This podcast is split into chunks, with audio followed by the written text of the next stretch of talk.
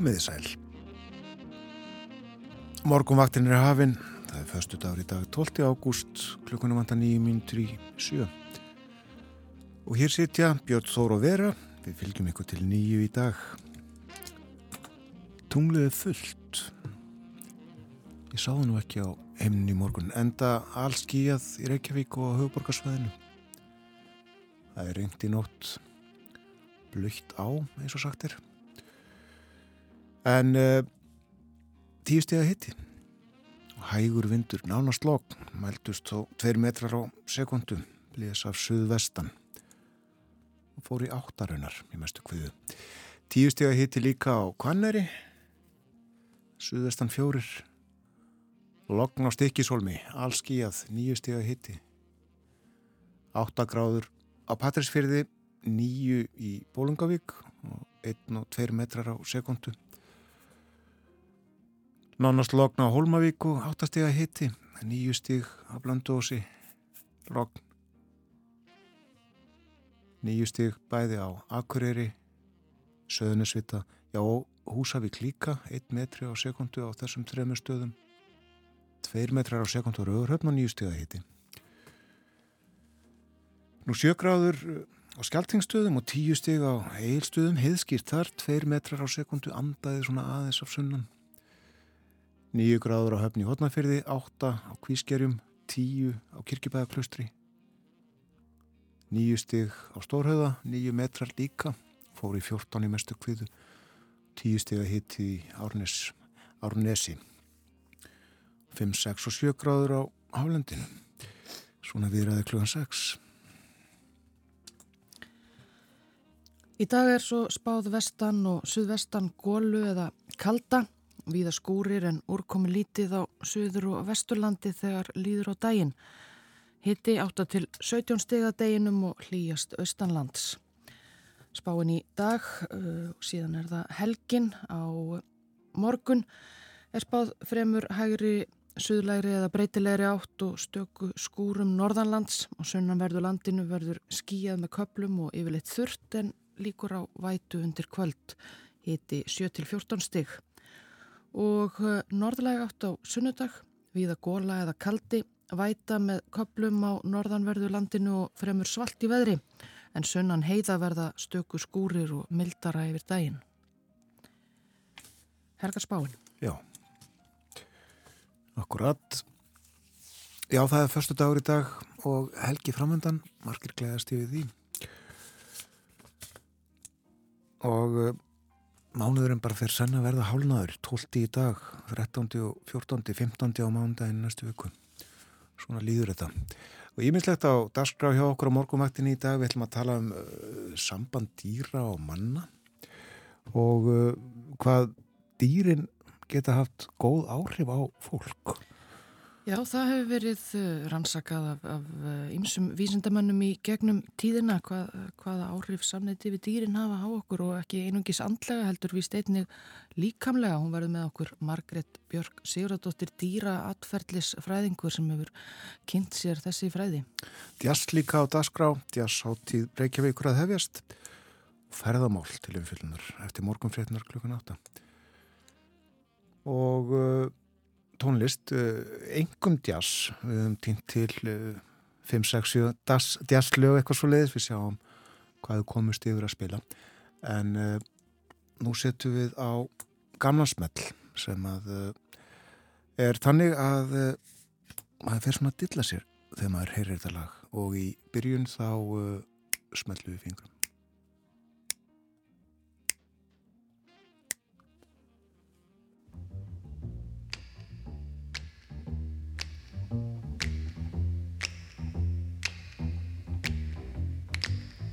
Trailer for sale or rent. Rooms to let 50 cents. No phone, no pool, no pets. Ain't got no cigarettes. Ah, but two hours of pushing broom buys a eight by twelve four bit room. I'm a man of means by no means king of the road. third boxcar midnight train, destination Bangor, Maine. Old worn out suit and shoes. I don't pay no union dues. I smoke old stogies I have found. Short but not too big around. I'm a man of means by no means. King of the road. I know every engineer on every train. All of the children and all of their names. And every handout in every town. And every lock that ain't locked when no one's around. I sing trailers for sale or rent. Rooms to let 50 cents. No phone, no pool, no pets. Ain't got no cigarettes, ah, but two hours of pushing broom buys a eight by twelve four bedroom. I'm a man of means by no means, king of the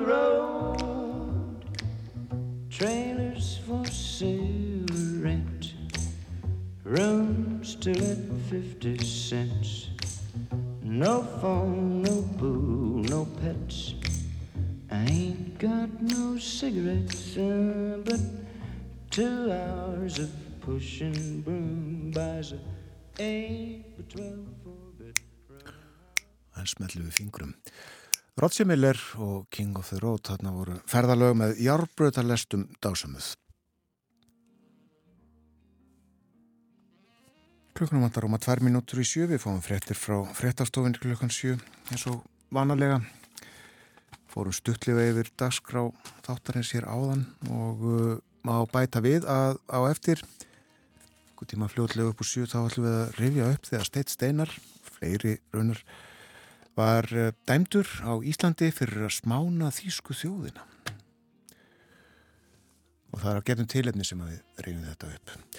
En uh, já, fréttir eftir stuttastund, við uh, fáum okkur aðeins meira kaffi. Gott að drekka kaffi á mótnana. Það er eiginlega besti tími dagsins til þess að drekka kaffi. Og uh, óvægt að segja frá því að það er, eru druknir nokkrir bóðlarnir hér í þessum þætti. En já, fréttir eftir uh, smástund, svo tökum við flýð.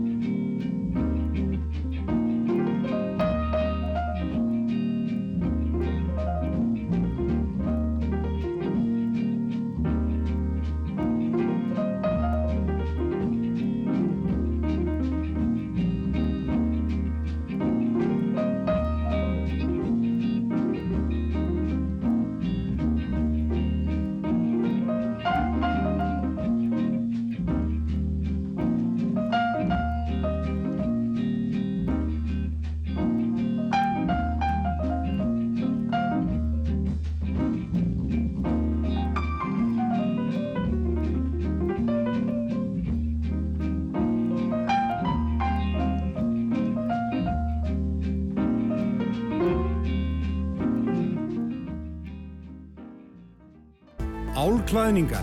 Þú færð allt til álklæðning á húsi þitt hjá Límtré Výrnett.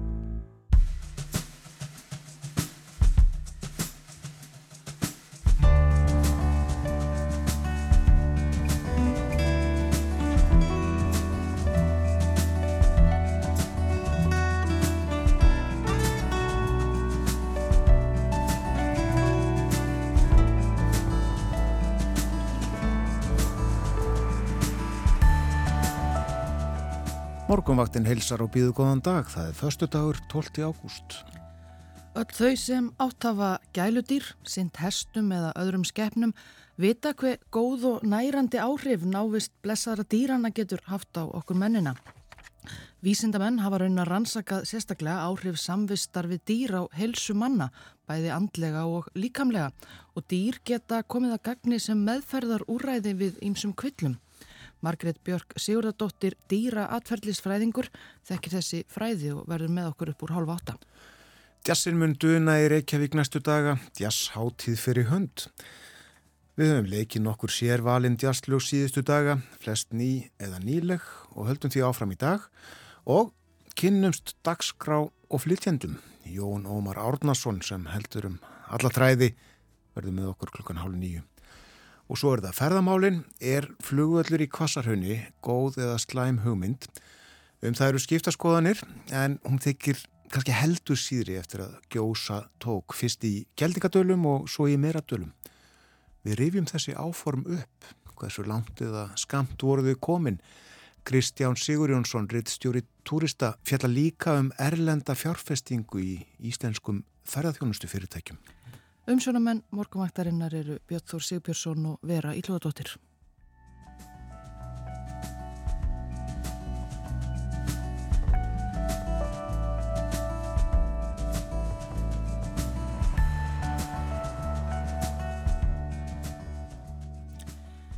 Veðurhorfurnar í dag, það er spáð vestan og suðvestan gólu eða kalda, viða skúrir en úrkomi lítið á suður og vesturlandi þegar líður á daginn.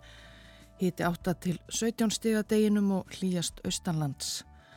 Nú það er förstu dagur og því ágætt að huga að eh, helgarveðrinu á eh, morgun fyrir mér hæg, suðlega eða breytilega átt og stöku skúrir norðanlands og sunnanverðu landinu verður skíjað með köplum og yfirleitt þurrt en líkur á vætu undir kvöld og hitin 7-14 stig. Norðalega átt síðan á sunnudag, viða góla eða kaldi, væta með köplum á norðanverðu landinu og fremur svalt í veðri. En sunnan heiða verða stöku skúrir og mildara yfir daginn, hiti 6-11 stig á sunnudag. Einmitt, uh, við lítum í blöðum, byrjum á morgunblæðinu, mynd frá góðstöðunum og fórsíðunni stórfenglegt sjónaspill, náttúr og aflana býður góðan dag.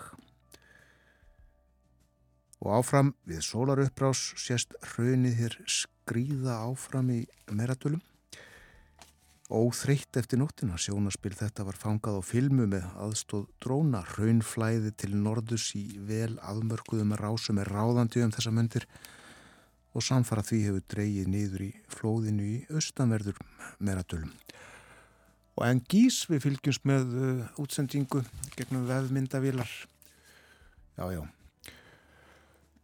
Gusast upp klóandi kvikan verður að raunni. Svo fjallaðum uh, lækna, málefni lækna, þau mál hafa verið til umfjöldunar í morgunblæðinu síðustu daga og því slegið upp, ég man ekki hvort að verið gærið að fyrirdag, að uh, rúmlega þriðjungur nýjútskrifaðra íslenskra sérfræðilækna skila sér ekki heim og námi. Og þetta er borðið undir steinunni Þorðardóttur sem er formaður læknafélags Íslands. Og uh, hún byrjar í samtali við morgunblæðið í dag á að rifja upp kabla úr McKinsey skýslunni sem oft er nefnd til sögunar heilmikil skýsla um uh, landsbítalan og Steinu segir McKinsey skýslan dregur upp mjög dramatíska mynd af stöðu vísinda á landsbítalanum uh, farið úr því að vera besta háskóla sjúkrahúsið í vísindum samanborið við hinnar Norrlanda þjóðurnar í kringum 2002 yfir í það að fara algjörlega niður á botnin og það er ein af grunnstóðunum í okkar starfi að stunda vísindi og rannsóknir og þegar tækifærin til þess eru hverfandi er það mjög fælandi fyrir fólk. Og hún nefnir líka að ekki hafi verið sami við sérfræðinga á stofum og ekki bæti það nú ástandið. Þetta tvent uh, með öðru kannski uh, verið til þess að uh, rúmlega þriðungur í útskrifaðara íslenskra sérfræðilegna skilja sér ekki heim heldur finnir sér vinnu annar staðar. Nú, svo er það leikskólamálinn í Reykjavík voru aldeilis til umfjöldunar í frettunum í gær eftir mótmælin miklu í Ráðhúsreikjavíkur í gær morgun.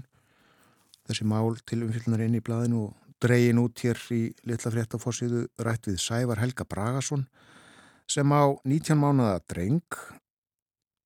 Honum var lofileg skólavist í haust en nú er útlýtt fyrir að barni fá ekki vist fyrir henni í november og Sævar Helgi segir uh, mér finnst það eins og það sé verið að fresta ákveðnum þroska hjá krökkunum að því að fresta þessu sí og æ. Og það er skandal að það sé verið að setja fóröldra í þessa stöðu þetta á bara að vera í lægi Hvað segir fréttablaðið? Forsiðu mynd fréttablaðsins er mitt frá þessum uh, mótmæla aðgerðum í ráðhúsinu. Fólk og uh, fóreldrar ung börn þeirra sem sjást þar uh, í fórgrunni lítildrengur á háhesti föður síns líklegast. En fórsýðu frétt, fréttablaðsins hins vegar um fiskverð fiskverð komið að sásaukamörkum Hljómar fyrirsögnin aðstæður á fiskmörkuðum eru fordæmalöysar, fiskverð í hæstu hæðum. Í Breitlandi hefur verð á íslenskum fiski stökkbreyst, eins og það er orðað ekki fiskurinn sjálfur sem betur verð sem hefur eh, stökkbreyst líklegast heldur eh, veð, verðið. Fiskverð á Íslandi er komið upp að sársökamörkum og hefur rókið upp að undanförnu. Hluti af skýringunni eru ástíðabundnar aðstæður en eftirspurnin eftir fiski hefur stór aukist meðal annars vegna stríðsins í Úkrænu.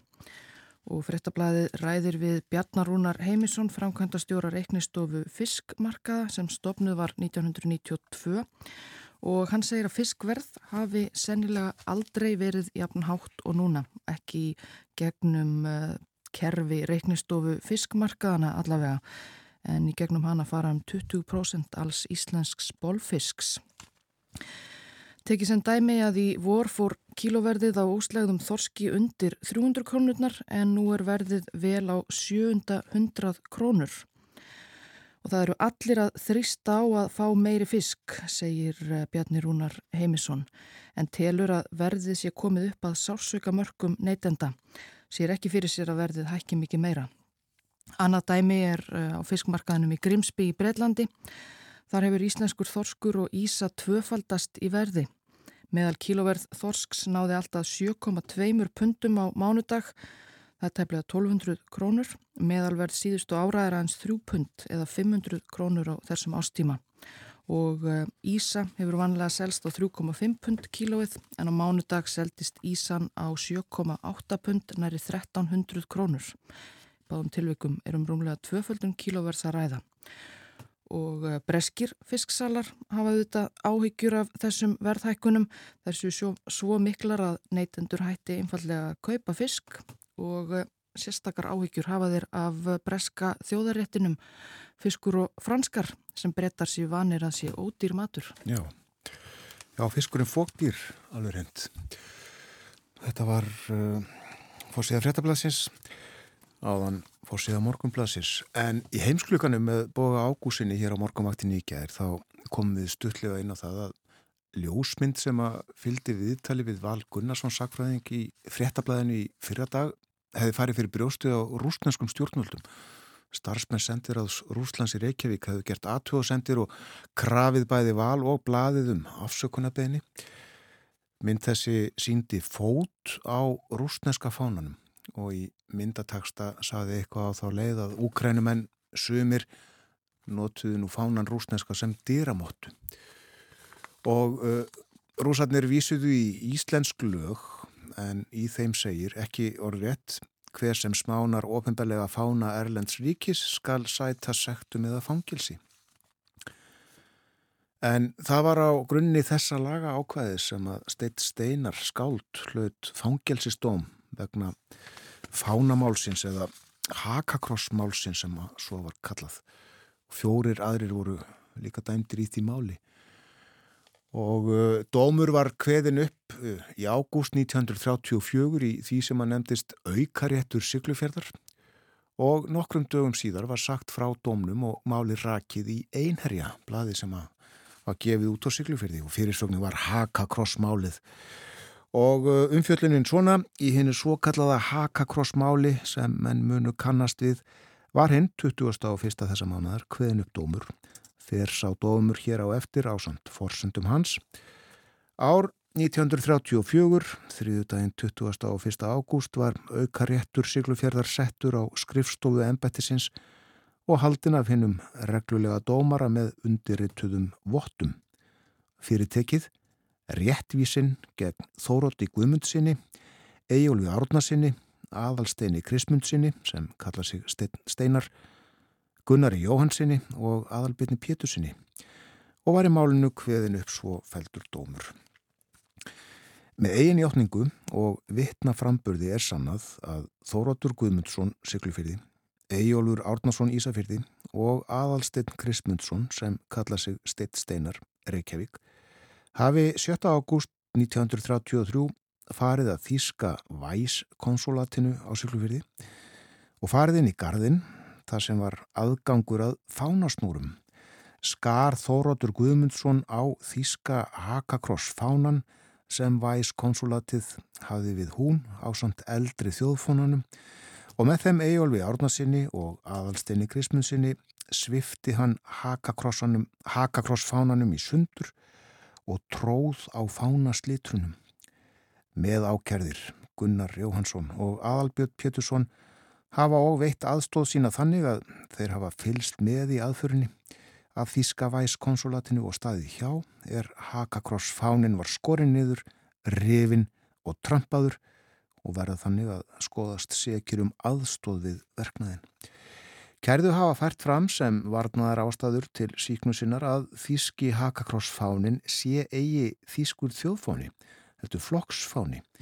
Að stjórnin sem hafi fyrirskipað að nota þennan fána sé eigi löguleg stjórn Þýskalands að Þýskastjórnin hafi fyrst í september 1933 fyrirskipað að Hakakross-fánin skildi vera jafn rétthár eldri Þýska þjóðfónanum og því ósaknæmt að rýfa Hakakross-fána niður 7. ágúst 1933. Svo varnar ástæða sökunauta að Þíska stjórnin sé eigi lögleg stjórn Þískalands getur eigi komið til greina. Hverjum einstaklingi er skilt að láta í friði fána þeirrar stjórnar sem fer með völd í Erlendu ríki án þess að til greina komi innanlands þjóðfélagsmál þess ríkis eða stjórnmála skoðanir sökunauta. Það er og eigi rétt hjá kerðum að Þíska stjórnin hafi fyrst í september 1933 löggild Hakakross fánan. Og svo er það útskýst allt saman og raukstutt. Og svo segir verknaður sökunauta er því fólkin í því að skemma og óvirða fána Erlends ríkis og er því refsi verð móðgun gegn og árás á hlutaðiðandi ríki og fellur sá verknaður undir ákvæði laga, ekki síður en að meiða útlendar þjóðir eftir annar lagagrein.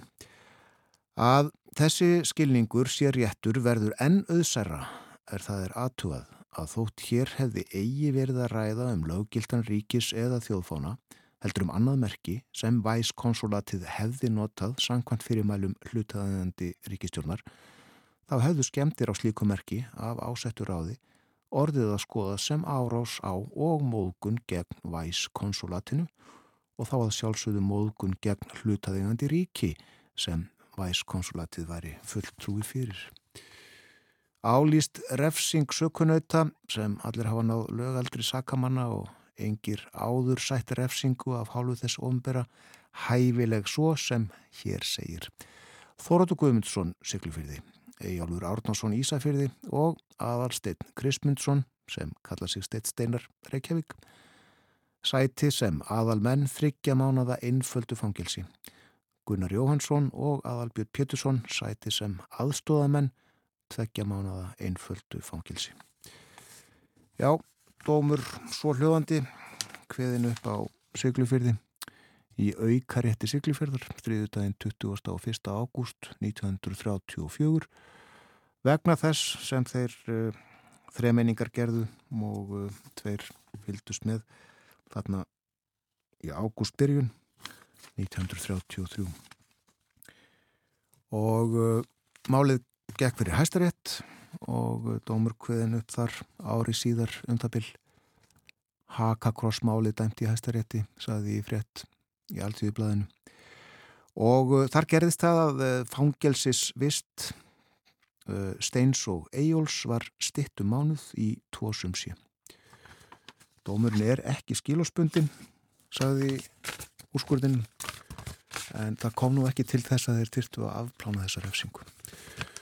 Þetta var fánamálið, hakakrossmálið öllu höldur frá þessum tíma sem er rivijað upp núna eftir að í frettablaðinu byrtist mynd af rúsneska fánanum sem að kuð vera notaður á svömmum heimilum í Úkrænu sem dýramotta. Og uh, það má bæta því við að uh, Steinu Þóra Árnadóttir, þingmaður, hefur uh, nokkru sinnum flutt frumvart þess efnis að þessi lagagrein sem að vísa þér í sem að rússarnir, starfsmenn rúsneska sendiráðsins vísa í núna að hún verði feld á brott en málið hefur ekki náð fram að ganga og uh, hún saði frá því á Facebook núna í vikunni að kannski væri komin tími til þess að dusta reikið af þessu frumvarfi. Það gerði svo í gær að uh, árás var gerð á allavega vefsíðu fréttablasins. Ég veit ekki með önnur tölvukerfi en uh, þetta er allt saman mjög skuggalegt. En við höfum haft uh, jazz hér á fóninum alla vikuna í tilbyn þess að jazz áttíð uh, hefst uh, á morgun. Við ætlum mitt að ræða það við Jón Ómar Árnason hér síðasta hálftíma þáttarins upp úr hálf nýju. En við skulum hlýða á örlíti meiri jazz, það er dansk-íslenski kvartettin Berg. Forsprakki hans er íslenski saxofónleikarin Snæbjörn Snæbjörnsson sem býr og starfar í Danmörku. Þar hefur hann leitt saman Mattias Dittlef á piano og Benjamin Kirketerp á bassa og trómuleikaran Chris Falkenberg og tríóið Berg átt sína fyrstu plötu í áslokk 2020 sem að hlotið hefur mikið lof gaggrínenda í Danmörku eins og segir í texta og vefdjasáttíðar. Þessi platta er óður heim hvar sem það kann að vera og við skulum hlýða á titillægið AAP með tríónu Berg.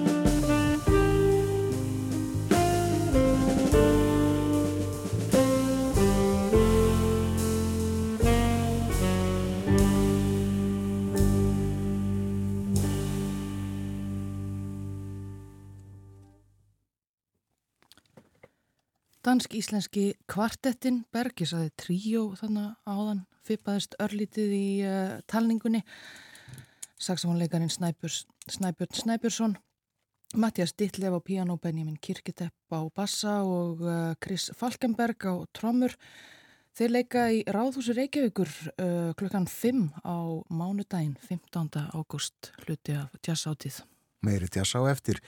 Við lásum aðeins úr einherja áðan, blaðið sem að gefa út á Siglufyrði, eh, frétt frá 30. og 1. ágúst 1934, dómin í Hakakrossmálunu.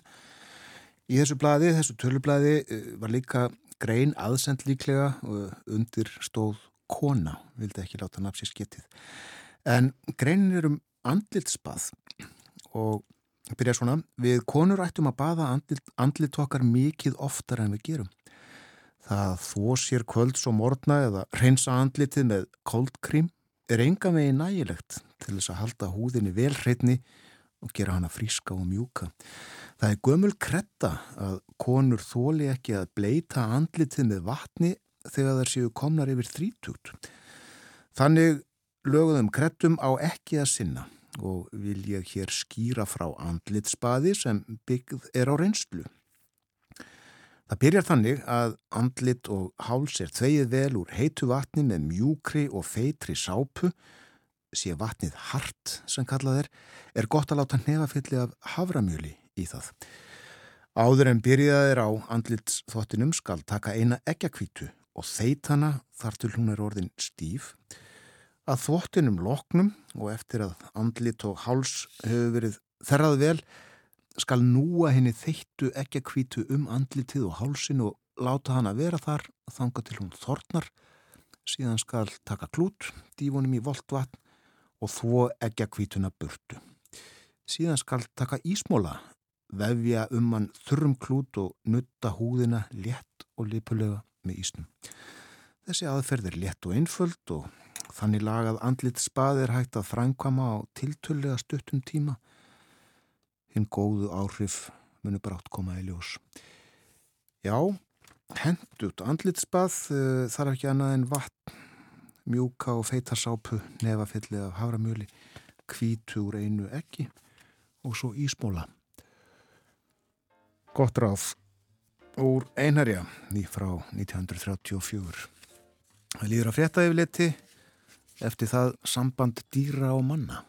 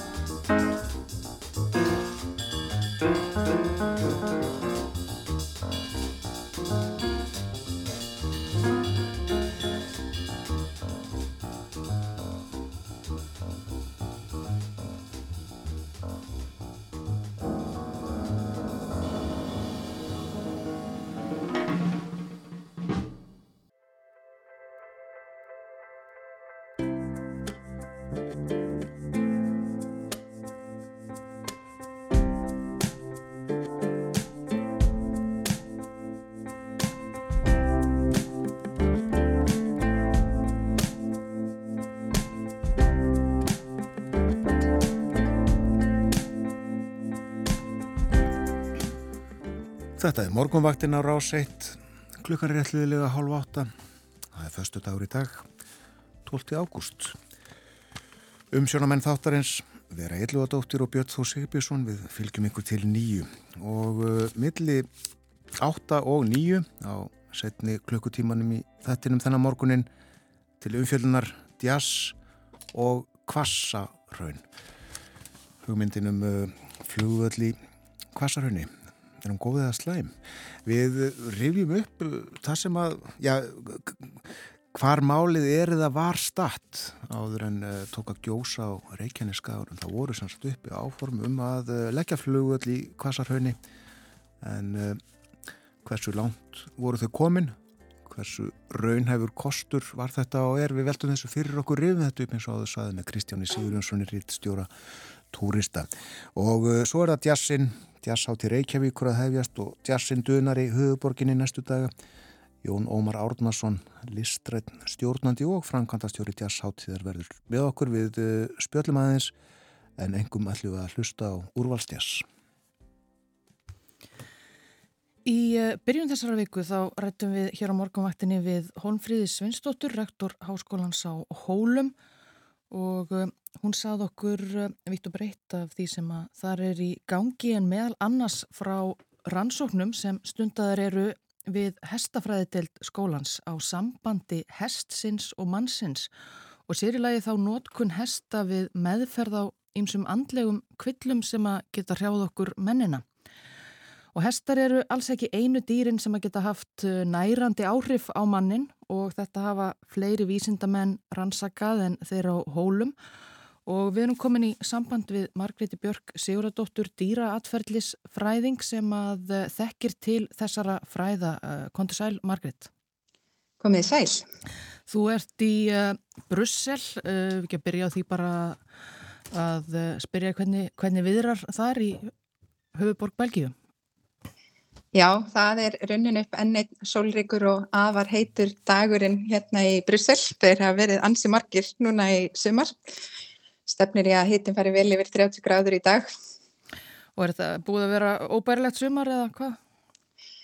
Við höfum nú svo sem ekki haft það einslægt hér eins og þeir sem eru kannski svolítið sunnar í álfunni en, en ég man nú alla eftir ja, þurru og heitu sumri eins og hefur verið núna. Ertu búin að vera hann að lengi? Við erum búin að vera hérna í sex ár núna. Og uh, við hvað, þú starfar hjá EFTA? Ég starfa hjá EFTA-skrifstofunni, já. Emið það, en við skulum... Uh, tala um dýrin, uh, gæludýrægendur þetta vita það að, að það kætir manna umgangast uh, dýrin manns en þetta hefur verið viðfangsefni vísindamanna. Já, það má segja það að, að hérna, þetta samband manna og dýra, þetta er náttúrulega gríðarlega löng saga sem við eigum af, af þessu sterka og nána sambandi og og hérna kannski verið alltaf svolítið vel þekkt þessi svona jákvæða áhrif sem að samvistir við dýr hafa og samvistir við dýr og náttúru að sjálfsögðu.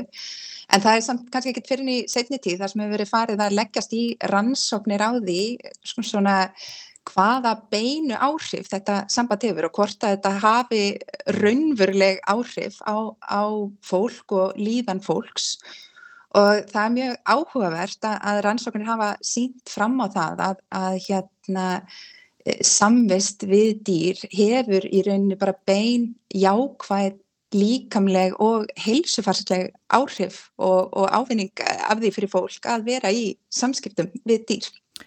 Já, líkamleg áhrif sem er leiðis. Já, það er svo merkilegt að, að hérna, við kannski tengjum þetta oft meira við þessi félagslegu þætti, við, við þekkjum þetta vel þeir sem, að, þeir sem eiga gæludýr, hvað, hvað það gefur fólki mikið að, að umgangast dýr og verið kringum dýr.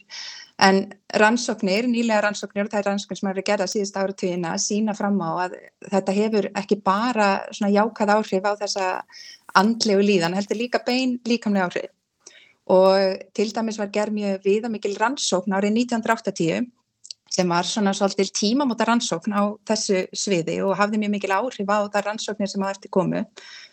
Og það var gerð rannsókn á hjartasjúklingum og það er sagt, fólki sem hafi lagst inn á spítala vegna kransaðastýplu og hefði leiðið inn á, á hjartadeil vegna kransaðasjúkdóma uh, og þessum sjúklingum var fyllt eftir í rúmlega ár eftir þeir útskrifast að hjartadeildinni. og þeim var skiptið tvo hópa annars vegar í rauninni þeir sem áttu gæludýr og hins vegar þeir sem áttu ekki gæludýr og voru ekki í samskiptu við dýr.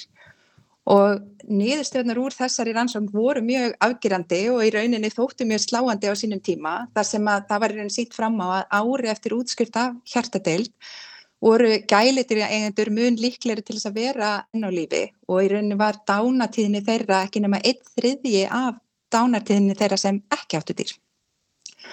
Og það sem var mjög merkilegt líka við þessa rannsókn var að þeir skoðu til dæmis sérstaklega hvort að það hefði áhrif hvort gælutýri væri hundur.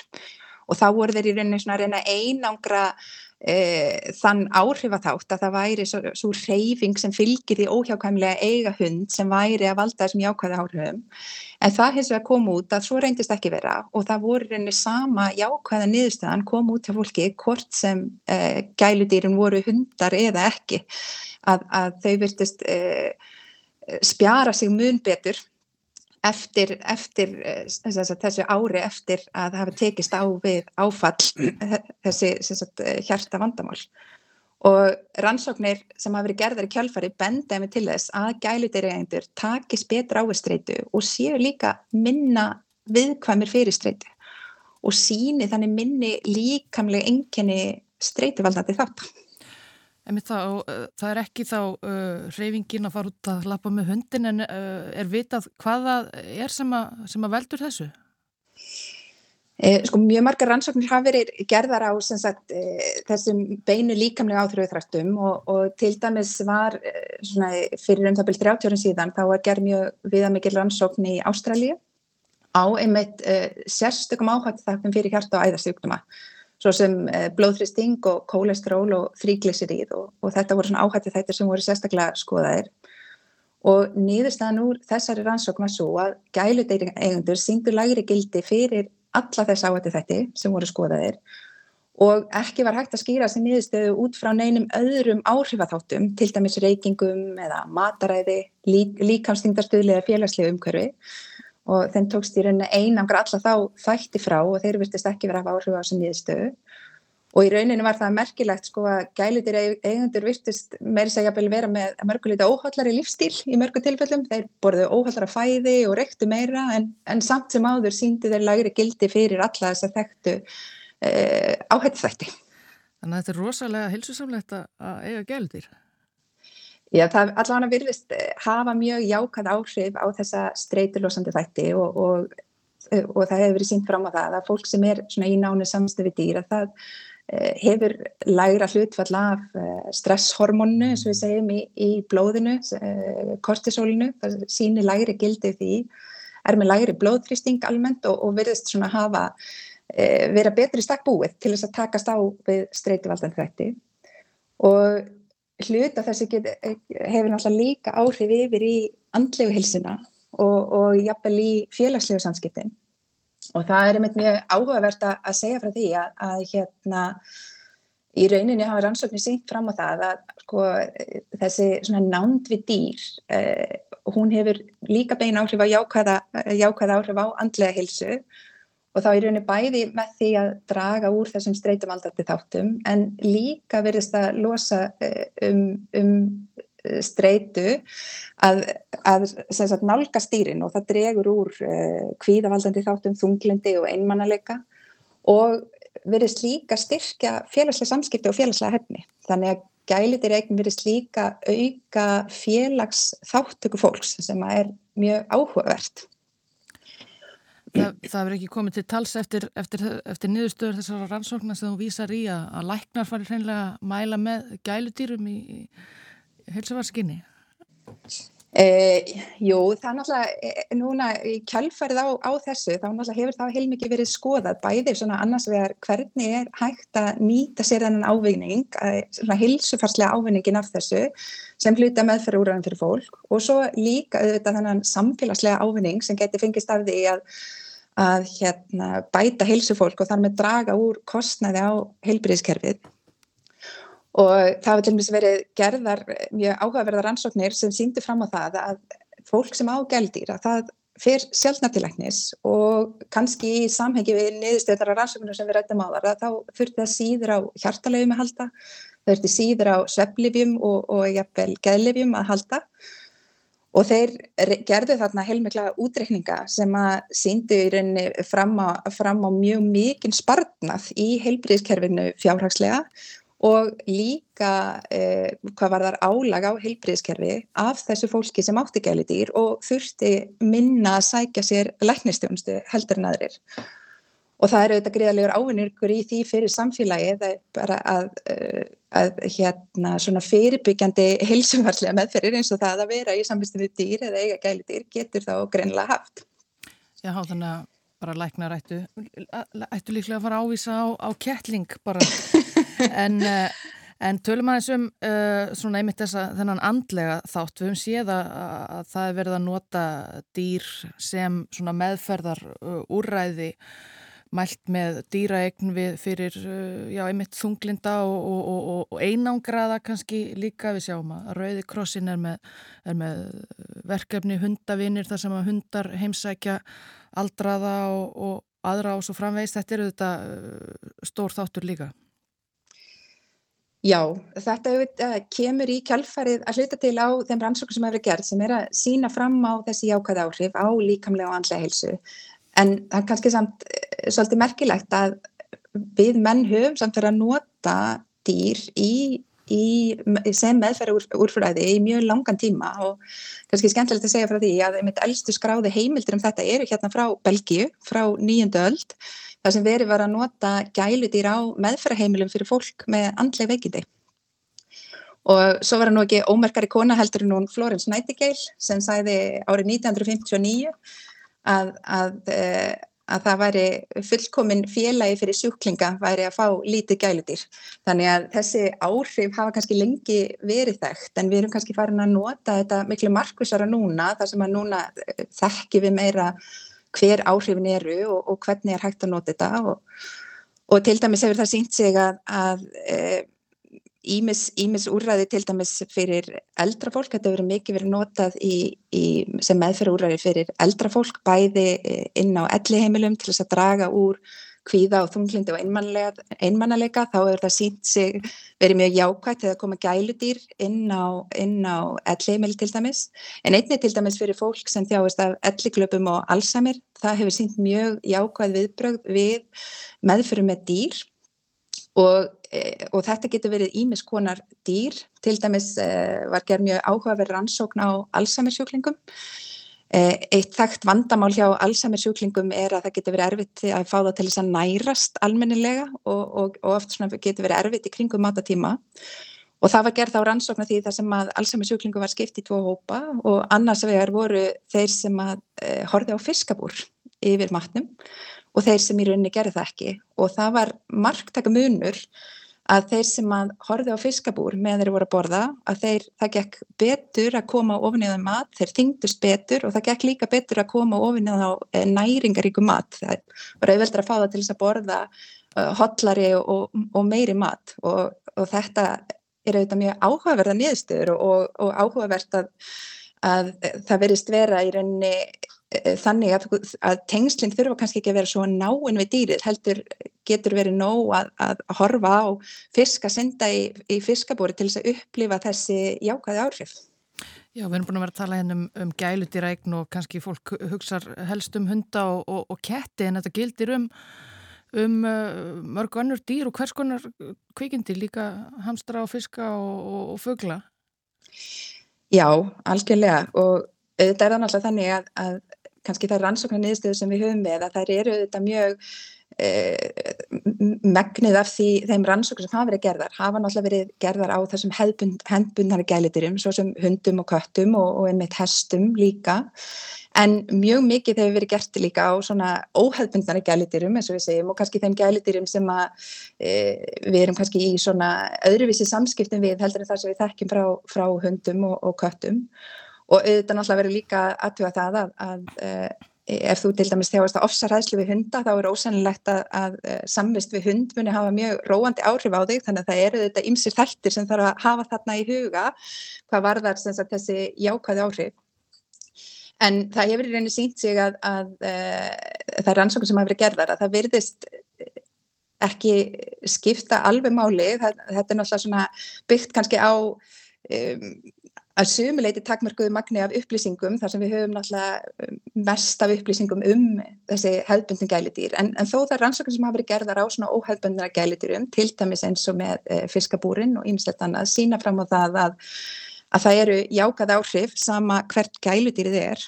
Og til dæmis hafa verið mjög, gerða mjög skemmtilega rannsóknir af e, það sem rannsakendur hafa verið að fara inn í almenningskarða og þá hafa þeir verið inn í almenningskarða með hinn ymsu dýr Og svo hefur líka verið að fara inn í alminnisgarðana með leikmunni, til dæmis uh, reysastóran bánsa eða, eða bók, eitthvað slikt.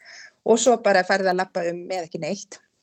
Nýðustöðunum þar síndu mjög afgjurandi að e, fólk sem var með gæludýr að það fekk miklu jákvæðri viðbrögð frá öðrum gestum í almenningsgarðinum og fólk e, brosti meira til þeirra, gaf sér meira á talviða heldur en, en þeir sem voru með leikmunni eða, eða, eða ekki neitt og, og þannig í rauninni virtist það þó að það verðist það ekki skipta allir máli að þessi jákvæði áhrif komið fram jafnvel hjá fólki sem að fór með pínulísa skjaldböku í, í, í gardin að það fekk líka þessi jákvæði aðtikli og, og þessi svona eh, félagslegu samskipti og fólk var að gefa sig á talviða e, meira heldur en, en þá sem að voru með í runni dauðahluti eð, eða ekki neitt.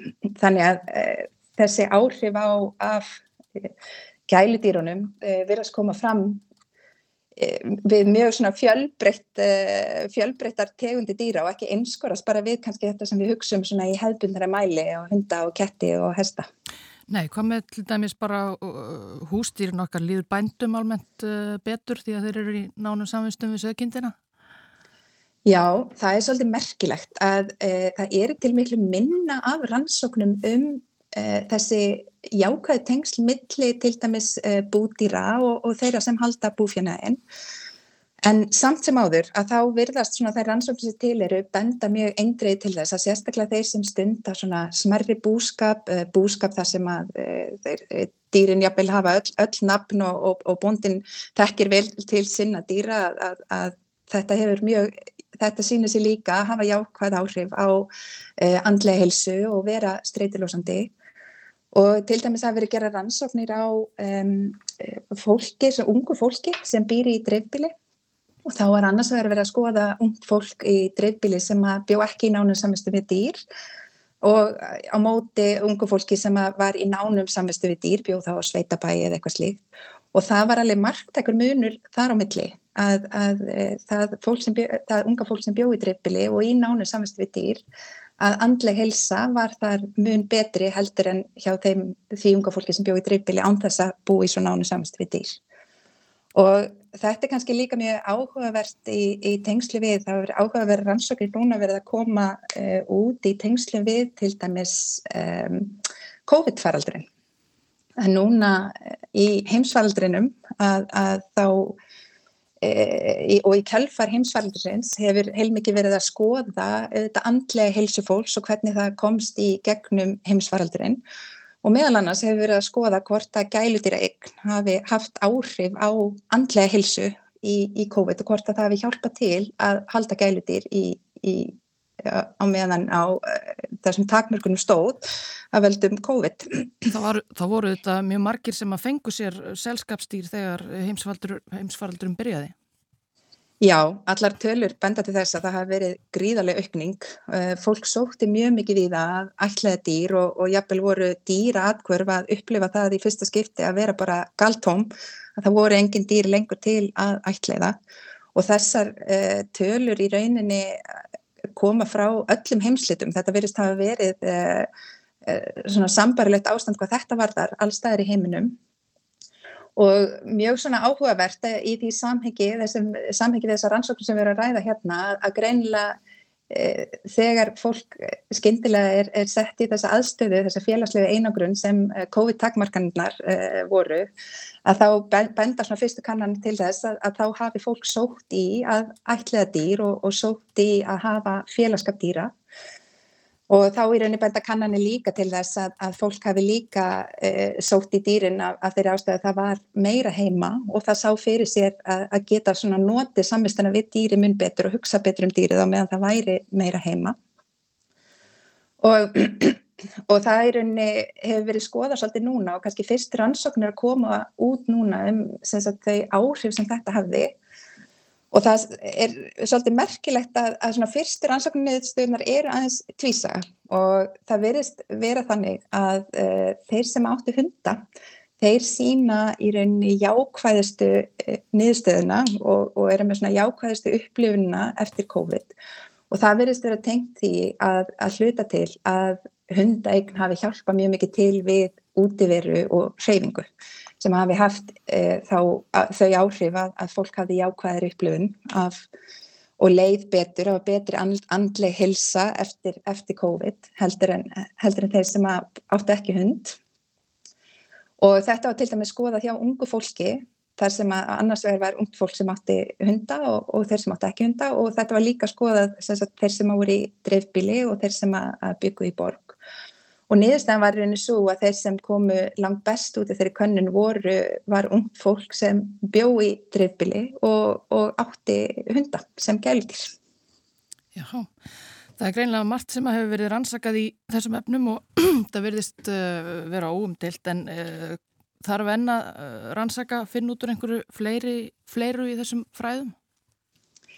Já, það er auðvitað, e, það er nú auðvitað oft svolítið þannig að, að einn rannsókn hún kallar nú ofta á aðra og, og til þess að við e, getum lært betur á þetta samband og, og, og hvernig gengur að þá þarf auðvitað að rannsaka og skoða það betur. Og kannski sérstaklega ef það á nota slikt sem meðferðu úrræði að þá, þá verður auðvitað líka kannski að baki svona þekktir e, parametrar hvað varðar e, áhrif og e, ávinning af því að, af því að stunda slíkt en rannsóknir benda samt allar mjög afgerandi til þess að návist við dýr og samneiti við dýr hafi mjög jákvæð áhrif á e, bæði andlega og líkamlega helsu með því að draga úr streitu og, og gera því líka betri stakk búin til þess að takast á við streituvaldandi þætti. Emið það, áttu sjálf dýr? Herri, sem stendur og þá eigum við ekki dýr en, en við erum duglega að taka á okkur að passa dýr og þykir það ákvæmlega gaman og jákvæði upplifun hér. Emið það. Þakka er kærlega fyrir þetta fróðlega spjall Margrét Björk eh, Siguradóttir Dýra atferðlisfræðingur. Takk kærlega fyrir.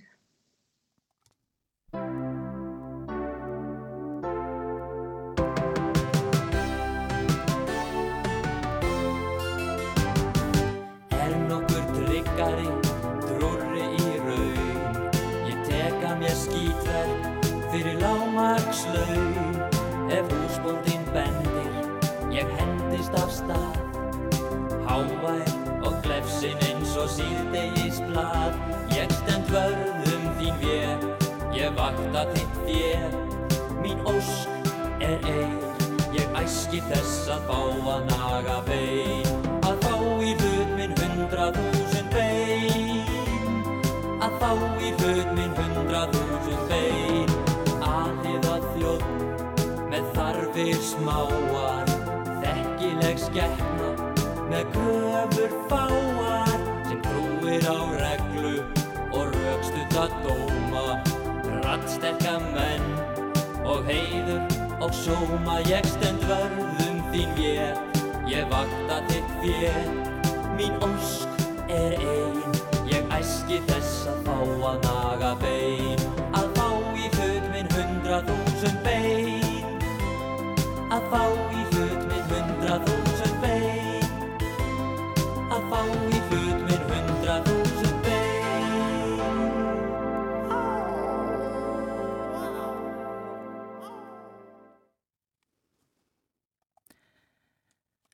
Gunnar Rapp Guðmundsson söng trúarjáttningu hundsins úr uh, Kötturinn sem fer sínar eigin leiðir söngleik Ólafs Haugs Símonarssonar 1986.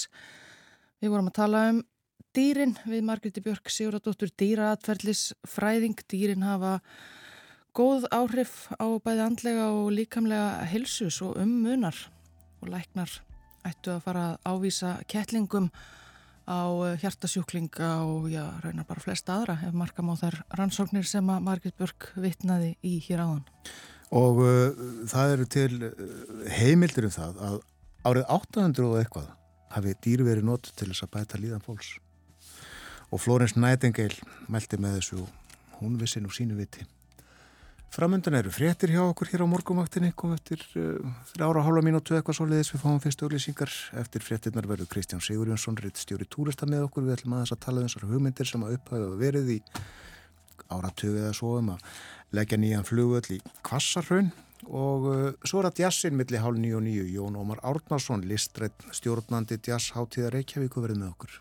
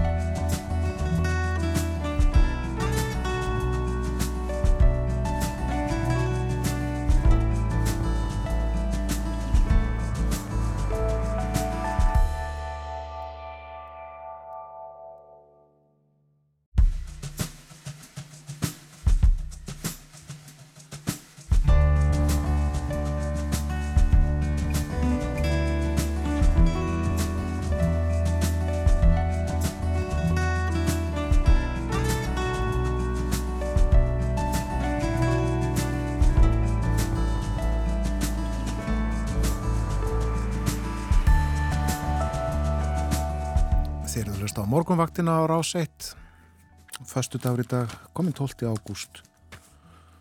Klukkan farin að ganga nýju 6 minútu gengin í nýju um sjónamenn þáttarins í dag Björn Þór Sigbjörnsson og við erum að ylluða dóttir töluðum áðan um uh, dýr og menn samband dýra og manna og uh, rannsóknir. Margt verið rannsakað varandi þetta og uh, niðurstöðunar allar já meira eða minn allavega bara einn veg, sama veg uh, það gerir fólkinu gott að umgangast dýr. Og það þurfi ekki bara að vera gældýr, eh, kettir eða hundar eða ámóta. Þetta á við um öll dýr. Öll dýr, litlar skjaldbökur og, og jáfnvel eh, það næri að horfa á, á fiskabúr til þess að fá jákvæð áhrif.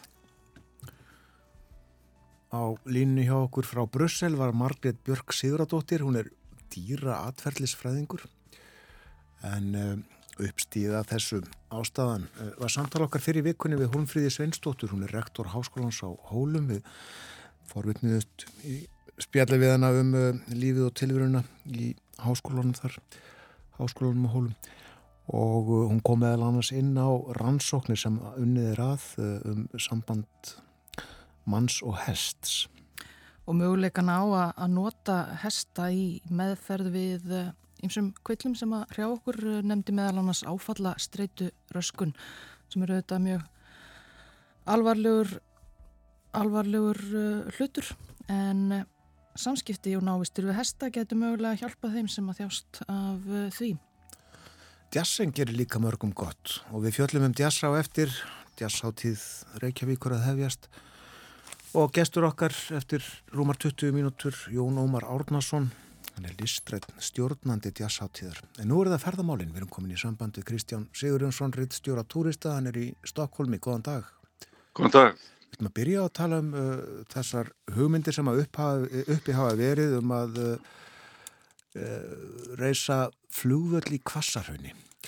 Og uh, það er nú nokkur ár síðan að, að uh, þetta var farið að, að skoða af einhverju alvöru nokkur lengra síðan þetta var fyrst nefnt ég, með minnir að, að einhver skýsla hafi verið gerð í byrjun aldar eða um aldamót síðustu en eh, svo fór þetta á stað fullan gang en nú hafa margir evasendir og ástæðan, jú, eldgósin 2 á Reykjaneskaðunum eh, það voru gerða skýslur er það ekki? Jú, mikið rétt, Rögnunemtinn svo kallega skilaði skýslu sem er í 2015 og þar var Já, svona niðurstaðan að kassarhraunni kemur best út þegar það verið að horfa til nýs flúvallar í tengslu við höfuborkina og, og, og síðan þá hefur verið, verið hort til kassarhraunsins og, og meðal annars eh, átti Æslandir fulltrúa í þessari nefnd og þáverandi fórstjóri Æslandir sagði á sínum tíma að það væri bara óábyrt annað en að kanna kosti þess að flytja flúvallin í kassarhraun í ljósið þessa meirilutin í Reykjavík væri á því að Reykjavík flúvallur ætti að fara og og svo liði nú árin og, og já, árið 2019 fyrst í Æslandi svona teikningar af nýri flugstöð í Kvassarhaunni og flugallasvæði þar og þetta er voldug x-læga bygging sem er sagt á tekniborðinum að staðsýta þarna í, í hrauninu og þannig að það hefur verið farið mjög langt með þetta máli sjálf sér innan veggja Æslandi er og, og og þar hefur verið hortið þess að á þessu nýja flugvelli verði samin að innanlandsflug og alþjóðflug því að já, eins og ég er svo sem áður komið inn á þá er nýtur svona keflagur flugvellur ákveðinar sérstöðu hvað þetta varðar og þar er engungu hægt að fljúa til og frá landinu meðan alþjóðlegir flugvellir í löndunum í kringum okkur og viðast hvar í heiminum. Ég sinna líka innanlandsflýi og, og eins og við rættum í þættinum í síðustu þá er náttúrulega mjög lágt hlutfall ferðamann á Íslandi sem Já, nýtir sér innanlandsflug því að það er bara ekki alveg, svona, likur ekki beint við, en hvað sem þessu verði, hvort að þetta myndi batna með því að tengja þetta saman, skil ósett látið, en, en þetta málvarðandi kassarinni hefur uh, vaktinn náttúrulega og hefur eins og í dag vakið tölvera teilur. Ég, ég man árið 2016 spurði ég skúla Móðansinn sem var eigandi og fórstjóri í Váer um þessi áforma Íslandir um að byggja nýjan flúvall í kassarunni og hann sagði að það var bara óskinsamlegt að byggja annan alltjóðflúvall í bakari keflækuflúvallar. Þannig að þetta hefur verið, verið heita deilur um þetta og kannski þeir hafa hittnað ennþá frekar núna í kjölfar elgosa.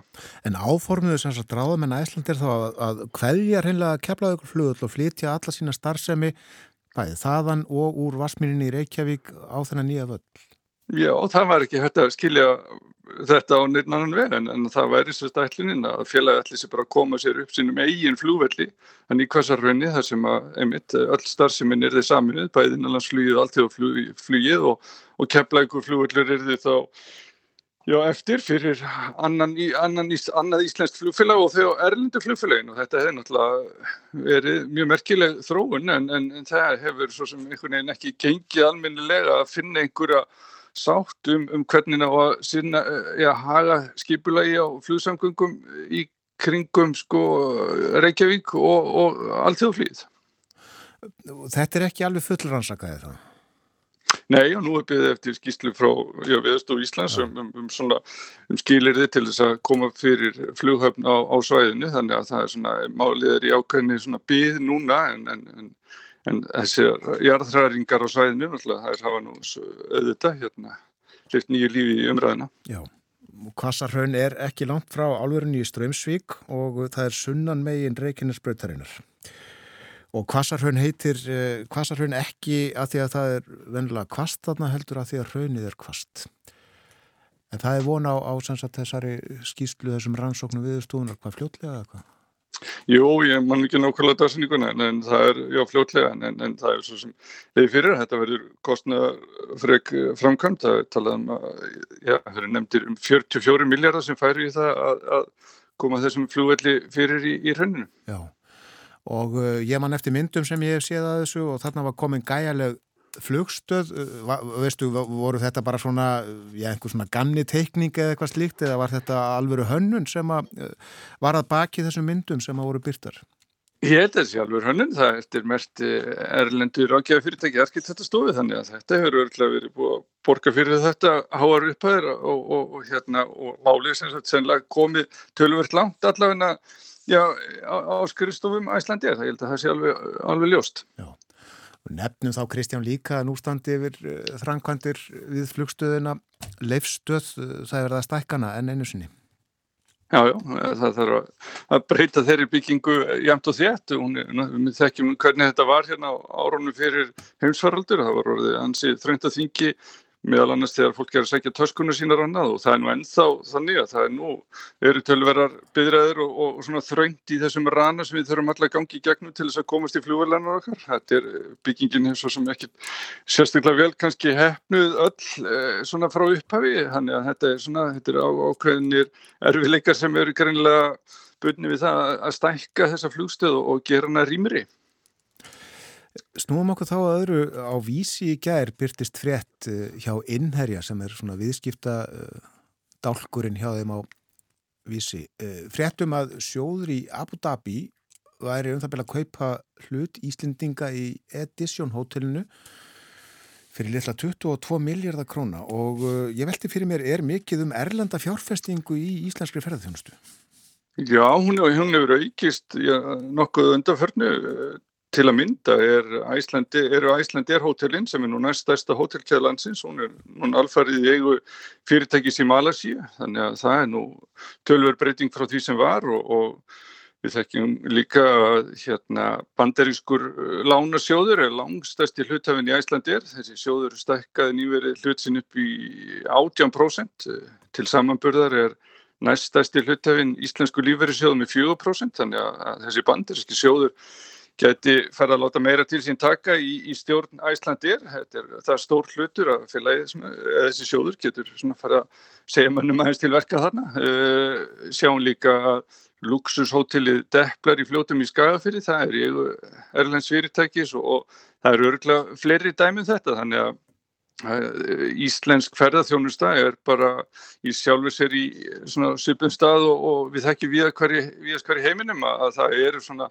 alþjóðlega reysa fyrirtæki sem eru að hasla sér völl, eignast stóru hótelkeðjunar og, og, og hérna skemmtigarða og svo er flýið, það er náttúrulega líka erlend eignahald þar en það er svo sem reglunar innan Evrópu, sérst, innan Evrópska efnægisvæðisins hveð eh, áum að það meiga sérst, aðeins Eh, aðilar innan svæðisins eignast meiri hluta í, í flugfélögum í álfunni, það er að segja bandaríski sjóðurinn sem á hennar stóra hluti í Æslandir getur ekki eignast meiri en 49% í, í Æslandir.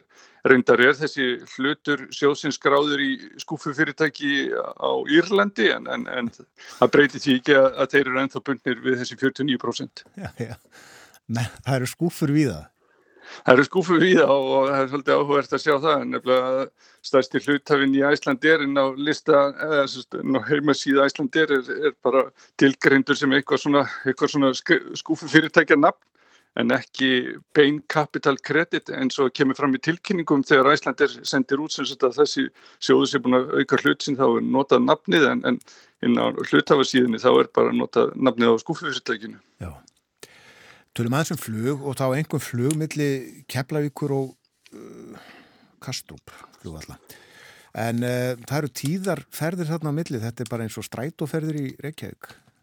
Já, það er alveg ótrúlega tíðar og til dæmis yfir sumamániðina þá fjölgar Íslandir ferðanir þanga og flýgur alltaf fimm sinnum á dag milli Kaupanarhafnar, Keflavíkuflugarlar og, og hérna til viðbótar er svo Play og, og SAS með sikkvara ferðina á hverjum degi. Þannig að þetta eru tíðaferðir og með telst til að í, í júli hafið þær verið 397 þar sé að maður telur báða, báða leiðir. Þannig að það eru ótrúlegt magna ferðum og og ekki neitt, samgöngunar er ekki eins góðar við okkar aðra borg allavega nýfið sumamánuðina, yfir, yfir veturinn eru ferðina svo tíðari til Lunduna en, en en á þessum háana tíma þá er það kaupmannahöfn sem, sem telur og, og, og sangvænt nýja yfirliti frá uh, kaupmannahöfn og flugvelli þá voru það 73.000 farþegar sem nýttu sér þessar ferðir í júli sem er sko með fleiri farþegar en í júli árin 2018 og 2019 þegar ferðamannaströmmun til Íslands var hvað mestur þannig að það finnst mér mjög áhugavert. Já og við bætist uh, flug einsun eða tvísar í viku og við um næsir frá Akureyri til Kastrup þannig að þetta eru 7-8 flug uh, á dag oft. Já, og, og ekki bara sko, já, Íslendingar á leðinni til Danmörku sem nýta sér þetta eða, eða Danir á leðinni til Íslands, þetta er líka allskynns tengifarþjar á vegum íslensku flugfélagana, það séu fólk sem eru að fljúa millir Norður Ameríku og, og, og Kaupmannhafnar eða Danmörkur, en svo flögi nú, nú bara í síðustu viku með SAS frá Uh, kemlagur flugvelli til Kaupmannhafnar og það var tróðfull vel og það var alveg ábyrjandi hvað voru margir farþegar um borða að halda áfram eitthvað annað, það er að segja útlendingar sem voru að fljúa til Kaupmannhafnar og allir svo halda áfram í flýi með SAS eitthvað annað í álfunni og, og uh, styrti fyrir lendingu þá taldi flugfræðan upp uh, nokkra áfokastæði og, og, og benti farþegum á hvaða hlið er hægt að fara að til þess að ná næstu, næstu vel og þetta var nokkur langur listi. Já. Akkurat, hvernig er það annars með flugið eh, í, í heiminum eða Evrópu sérstaklega, er það komast í lag, fær fólk törskuna sínur? Já, þetta er, þetta er að skána og, og, og en það er ennþá erfileikar og búist við að þeir verði eitthvað framhaldandi í til dæmis í, í Breitlandi og, flug, stóru flugullónu þar, þannig að það er því miður ekki alveg búið að leysa úr þessu með varandi mannluna en núna þegar að færri verða á ferðinni þá kannski verður auðveldar að klára þessi verkefni að koma fólki milli, milli landa og með allan sinn farangur en, en, en þá er, eru vandræðið því miður. Já, en aftur að þessum tíðu ferðum milli Keflavíkur og Kastrup sjö flugulega sem fara þarna á milli hvað rúma sjö flugulega marga fartega? Þetta er notað svona, meðaltæli kannski 180 um sæti í hverju vel, þannig að þetta er um 1300 sæti kannski sem er, er í bóða hverjum degi sem er náttúrulega er mjög mikið frambóð en, en við sjáum líka eh, í tölum til dæmis og ég hef geta bætti við á þannig að tölur ferðmálastofi sína að dönskum ferðamennum fjölgar tölvert á Íslandi eins og í júli. Það voru tölvert fleiri enn í júli 2019 og, og þeir, Danir voru líka dugleira heimsækja Ísland þegar að í heimsvaraldrin þegar það opnaðist fyrir þann möguleika að fljúa til útlanda á nýja leik og, og þannig að það verist verið sem Já, eh, frændur okkar í Danmörku séu sérstaklega spendir fyrir Íslandsreysum þessa dana. Já, og verður þeir bara velkomnir, segjum við. Segjum þetta gott af ferðamálum í dag. Þakka þið fyrir, Kristján Sigurjónsson. Takk sem leiðis. Kristján, rittstjóri túrista. Hér var talað um flugöld í Kvassarhraunni, fjárfestingar, útlendinga í íslenskri ferðarþjónustu og að lokum þessa tíðu ferðir melli Keflavíkur og Kastrup.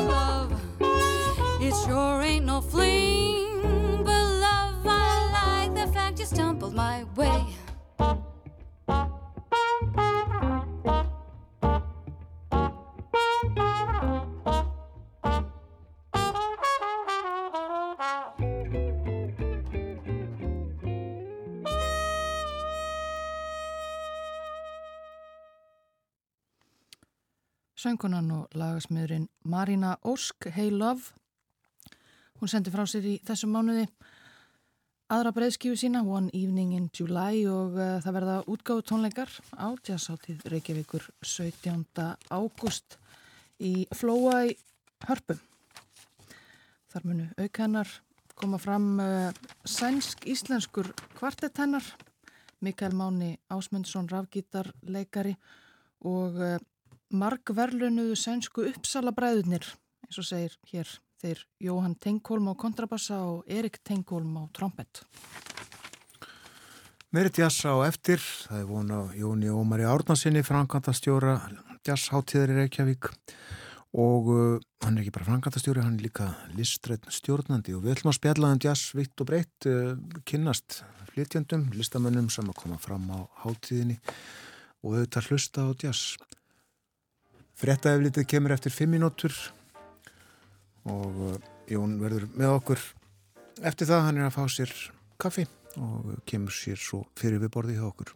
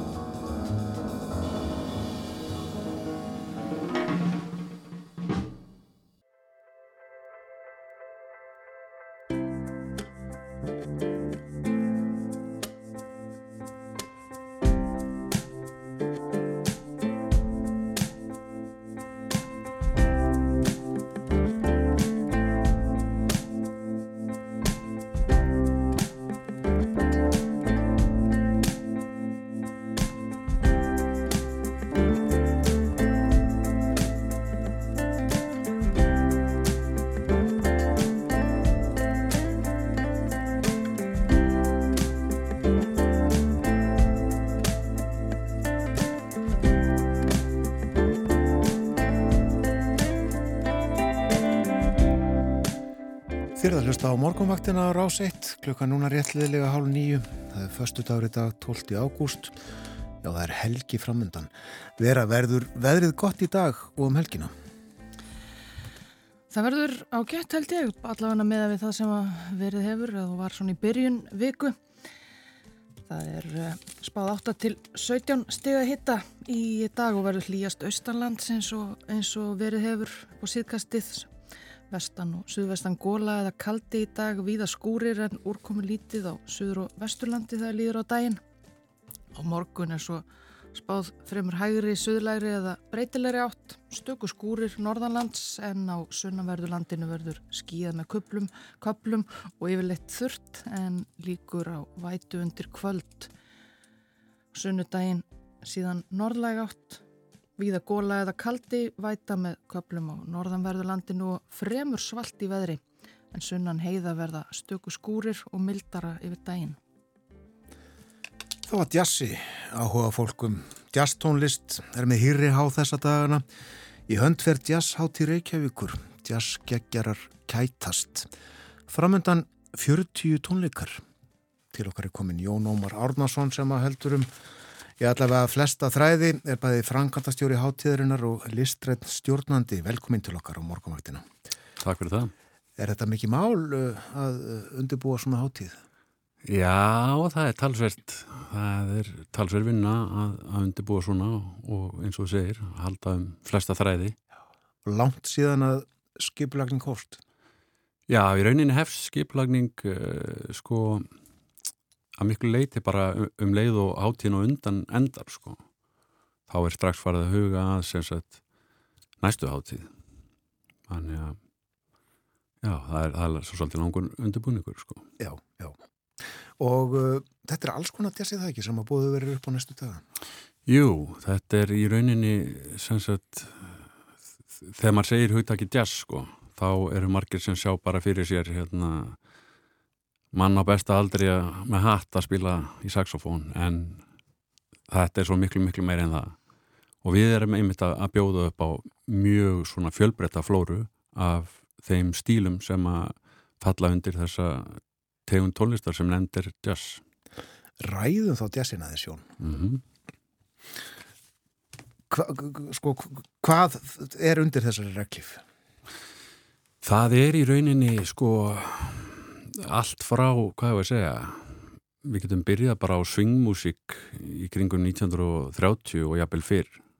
Og við getum farið allt upp í hérna einhverja einhvern brjálaðan spuna sem að er hérna þú kannski hugsaður með einhvers konar djöblasýru þegar þú, þú heyri það skilur en það er kannski frjálspunni og allt það. Og, og innan, eða þarna líka á þessu uh, hvað við segja, litrófi tónlistar þá er sem sagt hérna funk og það er í rauninni jazz rock og það er, það er alls konar, það er svona hvað við segja, meira það sem að kalla kannski evrúskur jazz uh, það sem ekki mjög mikið swing og það, það er í rauninni bara blues er þarna líka og, og svo náttúrulega bara hardcore bebop. Já, það er langt á milli Já, þetta er, eins og ég segi, þetta er mjög svona breytt uh, spektrum ef ég, ef ég sletti. Já, en hvað gerir það að verkum að, að þetta kallast allt jazz?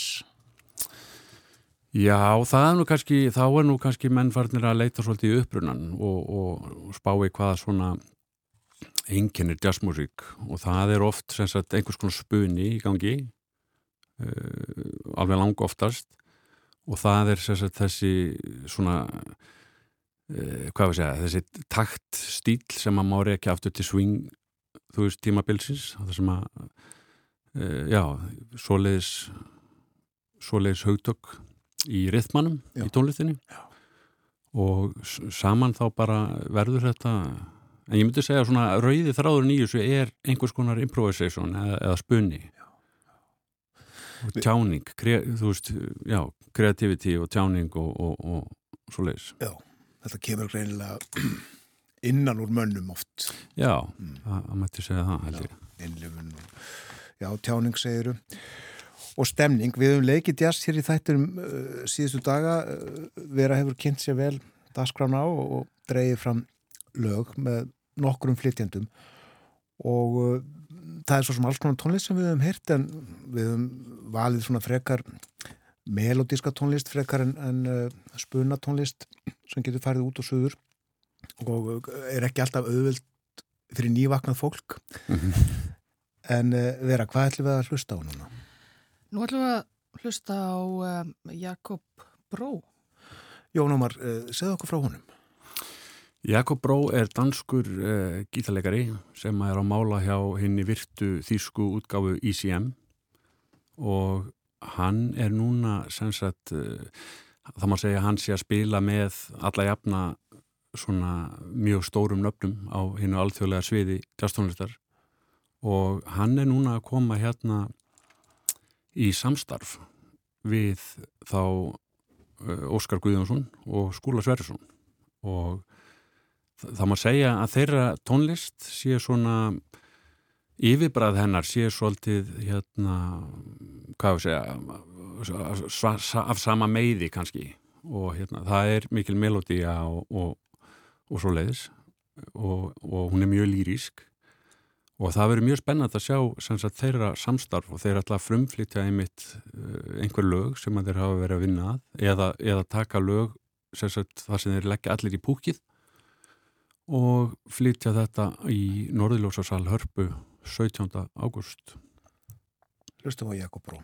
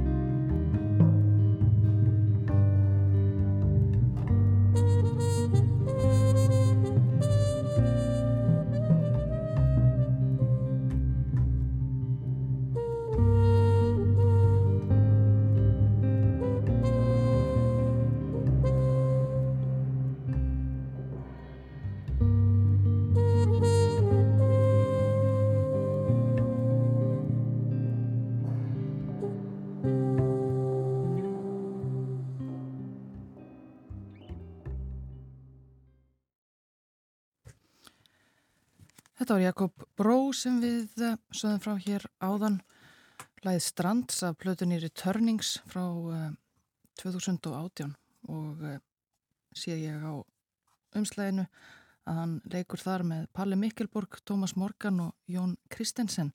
En það koma já, tríó og kvartettar og ímiskonar hljómsetir fram á jazzháttið Reykjavíkur í ár en einmitt bak við Hljómsveitanöfnin leynast ýmsir uh, tónlistamenn. Eru svona einhverjir sem að er verðt að uh, segja frá sérstaklega?